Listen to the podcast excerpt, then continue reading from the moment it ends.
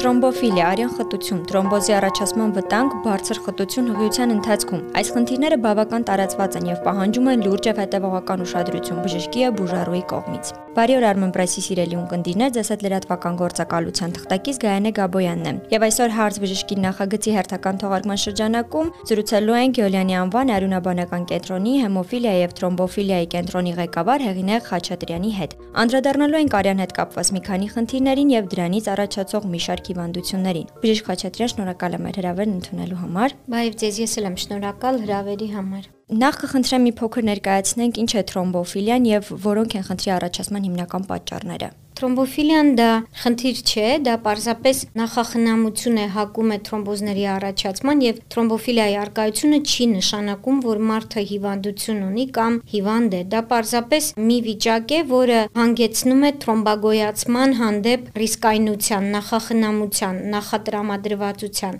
Ով ունի թրոմբոֆիլիա, մասնավորապես բարձր ռիսկի գեներ, նա ունի թրոմբոզների զարգացման ռիսկ, կարդիովասկուլյար բարդությունների կամ ցերեբրովասկուլյար բարդությունների բջիջների զարգացման ռիսկ, բայց մի ռիսկի արկայությունը, միայն թրոմբոֆիլիայի արկայությունը գենետիկ մուտացիան դա պաթոլոգիա չէ եւ միայն այդ գենետիկ մուտացիայի արկայությունը չի նշանակում, որ մարդը պիտի զգուշանա, որովհետեւ կարող է հանկարծ թրոմբոզ ունենալ։ Այսինքն գենետիկ մուտացիան դա պարզապես գենի մուտացիա է, որը հայտնի չէ ինչի այդ մարդը ունի, առ այսօր པարզ չէ այդ մուտացիայի արկայությունը ադապտացիոն բնույթ է կրում, թե պարզապես մարդկության մեջ կա ինչ որ մի պոպուլյացիա, որը ունի այդ գենի արկայությունը եւ բազմատեսակ գեների շարան գոյություն ունեն այդ ամբողջ տրոմբոֆիլիայի պանելը որ մենք գիտենք դա դեռ ողջ իմացականը չէ այլ կան մի ահագին բազմազան գեների մուտացիաներ որոնք դեռևս չի քննարկվում եւ կիրառական չեն ու դա չի նշանակում որ մարդը հիվանդություն ունի կամ պիտի անպայման բուժում ստանա թրոմբոֆիլիան դա պաթոլոգիա չէ դա պարզապես մուտացիայի արկայություն է որը բնորոշում է թրոմբոզների հանդեպ նախ նախախնամություն, բայց մի շարք ռիսկի գործոններ են անհրաժեշտ, որպիսի թրոմբոֆիլիայի գենը արտնանա եւ դրսեւորվի։ Եվ դրանից զատ նաեւ շատ կարեւոր է գենի տեսակը։ Բազմատեսակ գեներ կան, որոնց մեջ առավել երկու կարեւոր մուտացիաներ են շեշտվում, մեկը ֆակտոր 2-ն է, մյուսը ֆակտոր 5-ը եւ կարեւորվում են նաեւ այստեղ ֆոլատային ցիկլի համար պատասխանատու մուտացիաներ, որոնք որ օրգանիզմում պատասխանատու են B վիտամինների մետաբոլիզմին։ Այսինքն կարևոր կիրառում են ֆոլատային ցիկլը եւ 5-ն ու 2 գործոնները։ 5-րդ կամ 2-րդ գործոնի արկայությունը եւս չի գնահատվում որպես հիվանդություն, դա պարզապես մուտացիա է։ Հայտնի չէ ինչի բնությունը դա նվիրել է այդ մարդուն։ Բնույթը դեռ հայտնի չէ։ Դուք նշեցիք, որ մի շարք գործոններ կարող են նպաստել, որ գենը արթնանա։ Կարող եք մի քանի գործոն նշել։ Թրոմբոֆիլիայի գենը, որpիսի դրսևորվի, մի շարք հանգամանքներ են պետք, մի շարք տրիգերներ, հրահրող գործոններ են պետք, պրովոկացիա անող ֆակտորներ են պետք։ Դրանք են ավելորդ քաշ, ծխախոտամոլություն, հիպոդինամիա, հիպերխոլեստերինեմիա, բազմապտուղ հղիություն, հորմոնալ դեղորայքի կիրառում, ծանրաբեռնված մանկաբարձական պատմությունը, հղիությունը 35 տարեկանից հետո, այս բոլորը գնահատվում են որպես ռիսկի գործոն։ Շատ լավ, առհասարակ Օրինակ արյան խտության թրոմբոֆիլիայի կանխարգելման հնարավոր տարբերակներ գոյություն ունեն, թե ոչ։ Թրոմբոֆիլիայի կանխարգելման ամենաառաջի միջոցը երևի որպիսի գենը չփոխանցվի, բայց դա պրակտիկորեն հնարավոր չէ։ Թրոմբոֆիլիայի կանխարգելման համար պարզապես գենի արկայությունը հսկելն է։ Եթե ունի անհատ այդ մուտացիայի արկայությունը, պարզապես պիտի զգուշանա։ Ենթադրենք պլանավորվում է հորմոնալ թերապիա կամ հորմոնալ հակաբեղմնավորիչների կիրառում, զգուշացնի իր բժշկին, որ ես այս գենի արկայություն ունեմ, ես մուտացիա ունեմ, պետք է այս մուտացիան հսկել թե ոչ, կամ ունի ունի այդ գենը, հղիություն է պլանավորում, դիմել է արեստական բեղմնավորման կամ հղիություն է հաստատվել, վարող գինեկոլոգին զգուշացնի, որ ունի այդ գենը եւ որ արդյոք ինչ որ բան պիտի իրագործվի, որ այդ գենի ակտիվությունը ճնշվի։ Այսինքն միայն գենի արկայությունը չի գնահատվում որպես հիվանդություն։ Ուղղակի պիտի ուշադիր լինեն։ Եթե մարդը իր կյանքում ունի բարձր ռիսկի գեն կամ զույգ կրություն կամ մոնոկրություն կամ տրիպլ կրություն ունի, այդ դեպքում լավ կլինի, որ տարեկան 1-2 անգամ ստուգի արյան մակարդելության համակարգը, բնական հակամակարդիչները, հոմոցիստեինի մակարդակը, եթե հիվանդանում են լուրջ վիրուսներ են տանում, այնպիսի վիրուսներ ինչպիսիք են COVID-ը կամ H1N1-ը կամ ցանկացած տրոմբոգեն վիրուս, հեպատիտներ ենթադրենք, պիտի պարզապես զգուշանան եւ այդ ընթացքում հսկվի արյան համակարգը, մակարդելության օղակը, որpիսի այդ գենը չարտնանա, որովհետև մակարդելության համակարգի ցանկացած խանգարում երկրորդային բնույթի է։ Առաջնային հիմնական խնդիրը կարող է հանգեցնել մակարդելության օղակում հիպերկոագուլյացիայի։ Մակարդելության սպիտակուցները դրանք համարվում են բորբոքային սպիտակուցներ եւ բորբոքման սուր փուլի սպիտակուցներ են։ Ցանկացած բորբոքումից ֆիբրինոգենը D դայմերը կարող է բարձրանալ։ Հետևաբար բորբոքումների, ինֆեկցիաների, թոքաբորբերի ժամանակ պիտի պարզապես հսկվի կոագուլյացիայի համակարգը համապատասխան մասնագետի միջոցով։ Ինքնուրույն իմաստ չունի անալիզներ տալ, ինքնուրույն բուժումներ անել, parberabar դեղորայք խմել, անընդհատ ասպիրին ընդունել, այս ամենը ընդունելի չէ, միայն բժշկի խորհրդով։ Այսինքն տվյալ խնդիրը թրոմբոֆիլիան միայն գենի արկայության դեպքում է հնարավոր փոխանցել, թե հնարավոր է կյանքի ընթացքում ուղղակի ձեռք բերել այն։ Թրոմբոֆիլիայի գենետիկ մուտացիաները փոխանցվում են սերունդներին, բայց կարող է եւ նախորդ սերունդը ճանենալ այդ մուտացիան, այդ մուտացիան զարգանա տվյալ հղիության ընթացքում տվյալ պտղի մոտ։ Բայց թրոմբոֆիլիան բացի գենետիկ բնույթից լինում է նաեւ ձեռքբերովի։ Օրինակ, ձեռքբերովի թրոմբոֆիլիայի տեսակ է իմուն թրոմբոֆիլիան կամ հակաֆոսֆոլիպիդային համախտանիշը։ Երբ իմուն համակարգը ագրեսիվ է լինում, սեփական իմուն համակարգը հարցակվում է անոթի պատի վրա եւ աուտոագրեսիվ ագրեսիայի է ենթարկում անոթի պատը։ Հետևաբար դա գնահատվում է որպես ձեռքբերովի իմուն բնույթի թրոմբոֆիլիա կամ մի թրոմբոֆիլիա, որը կոչվում է նաև մետաբոլիկ թրոմբոֆիլիա, դա բարձր հոմոցիստեինի մակարդակով պայմանավորված արյան հիպերկոագուլյացիոն վիճակն է, այսինքն ունենք հոմոցիստեինի բարձր մակարդակ, անոթի պատը եւս վնասվում է եւ դա տրոմբոգեն է։ Հոմոցիստեինի բարձր մակարդակը կարող է պայմանավորված լինել թե ֆոլատային ցիկլի մետաբոլիզմի գեներով, այսինքն նույնը MTHF FR գենի մուտացիան եւ թե կարող է պարզապես ներծծման խնդիր լինել եւ սննդամթերքով կամ առհասարակ այնինչ մենք ընդունում ենք չներծծվի B խմբի վիտամինները. B6 մասնավորապես. B9 B12 վիտամինների ներծծումն է խանգարված, որի հետևանքով հոմոցիստեինի մակարդակը բարձրանում է եւ ըստ դրա տարբերում են հոմոցիստեինի ակտիվության տարբեր տեսակներ՝ հիպերհոմոցիստեինեմիա, չափավոր հոմոցիստեինեմիա եւ այլն։ Այսինքն սա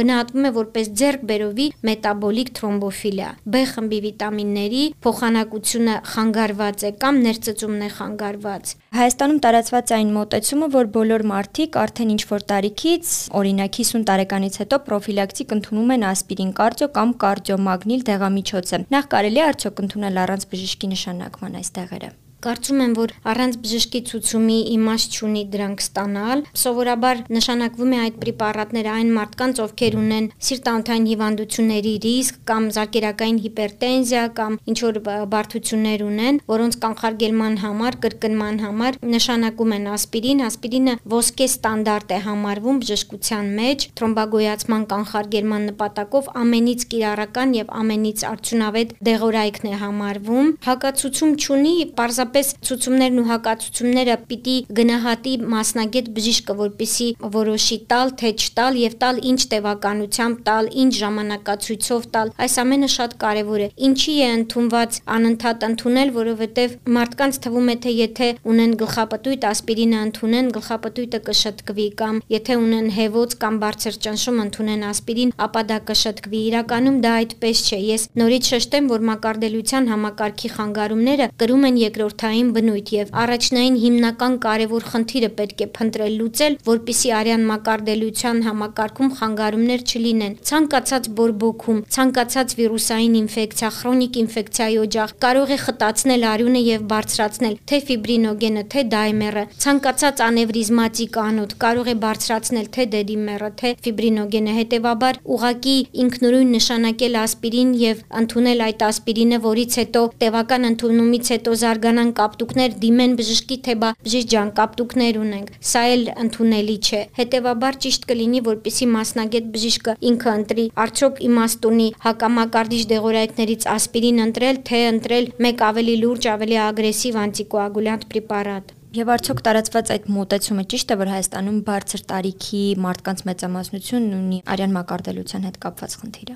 Բոլոր մարդիկ տարիների ընթացքում ունենում են հիպերկոագուլյացիա։ Բոլոր մարդիկ, նույնիսկ սերով պայմանավորված բնությունը այնպես է ստեղծված, որ կնոջը տվել է բարձր անտիտրոմբինի մակարդակ, դա պայմանավորված է այն հանգամանքով, որ կինը պիտի ունակ լինի, հղիանա եւ երեխա կրի եւ որpիսի հղիության ընթացքում ճունենա արյան խտության խնդիր, բնությունը նրան ապարգևել է բարձր անտիտրոմբինի մակարդակով։ Տղամարդը այդ բարձր անտիտրոմբինի մակարդակը չունի։ Ունի անտիտրոմբինի մակարդակ, բայց կնոջ հետ նույնը չեն դրանք։ Կան ֆիզիոլոգիական առանձնահատկություններ, սերով պայմանավորված, տարիքով պայմանավորված բոլոր մարդկանց մոտ արյան խտացում է գնահատվում տարիների ընթացքում եւ միգուցե դա եւս պատճառ է, որ մեծ տարիքում արդեն փորձում են կիրառել ասպիրինի խմբի դեղորայք։ Շատ լավ բժիշկ Խաչատրյան անդրադառնանք մի շատ կարևոր թեմայի։ Հայաստանում հաճախ է հանդիպում չզարգացող հղիությունների պարագայում որպես պատճառ նշում են արյան խտությունը։ Ինչ պետք է անեն հղիություն պլանավորող կանայք, որպեսզի չբախվեն չզարգացող հղիության խնդրին։ Հղիության արձանագրումից հետո ինչ քայլեր պետք է արվեն։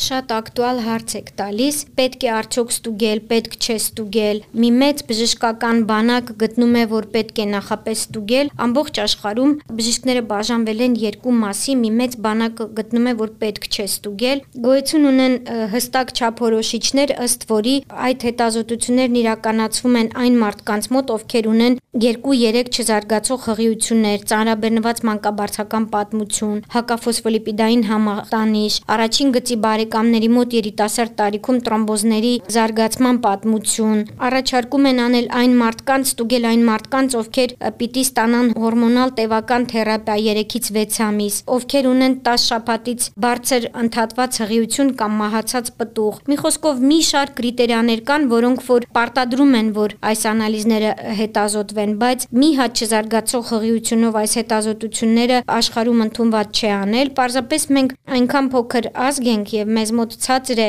ռեպրոդուկտիվ ֆունկցիան ծնելիությունը ցածր է, հետեւաբար մարդիկ նախապես նախընտրում են հետազոտվել, հետո ստանալ համապատասխան կանխարգելիչ թերապիա։ Ինձ մոտ հաճախ հայտնվում են արդեն հետազոտված եւ ինձ եւ արյունաբանական կենտրոնի շատ մակարդելության մասնագետների մնում է պարզապես հսկել այդ կանանց հղիության ընթացքը։ Տեսեք ինչն է խնդիրը։ Բոլոր կանայք, որ հղիանում են, հղիության ընթացքում նրանց մոտ գնահատվում է արյան խտություն, կոչվում է ֆիզիոլոգիա ֆիզիոլոգիական հիպերկոագուլյացիա, այսինքն հղիությունը ինքնին իրենից ներկայացնում է ֆիզիոլոգիական գործընթաց, որի ժամանակ այնպես է բնությունը ստեղծել, որ արյունը խտանա։ Եվ հաճախ լինում է, որ 400 կամ 500 ֆիբրինոգենով ահաբեկվում են, որ արյունը խտացել է։ Իրականում դա գնահատվում է որպես ֆիզիոլոգիա։ Եթե տվյալ պարագայում հղին չունի ծանրաբեռնված պատմություն, իսկ ծանրաբեռնված պատմություն ասելով նկատի ունեմ անպտղություն, արտամարմնային բեղմնավորման պատմություն, 3 եւ ավել չզարգացող հղիություններ եւ այլն, նման պարագայում պարզապես պետք է այս հղիին հսկել։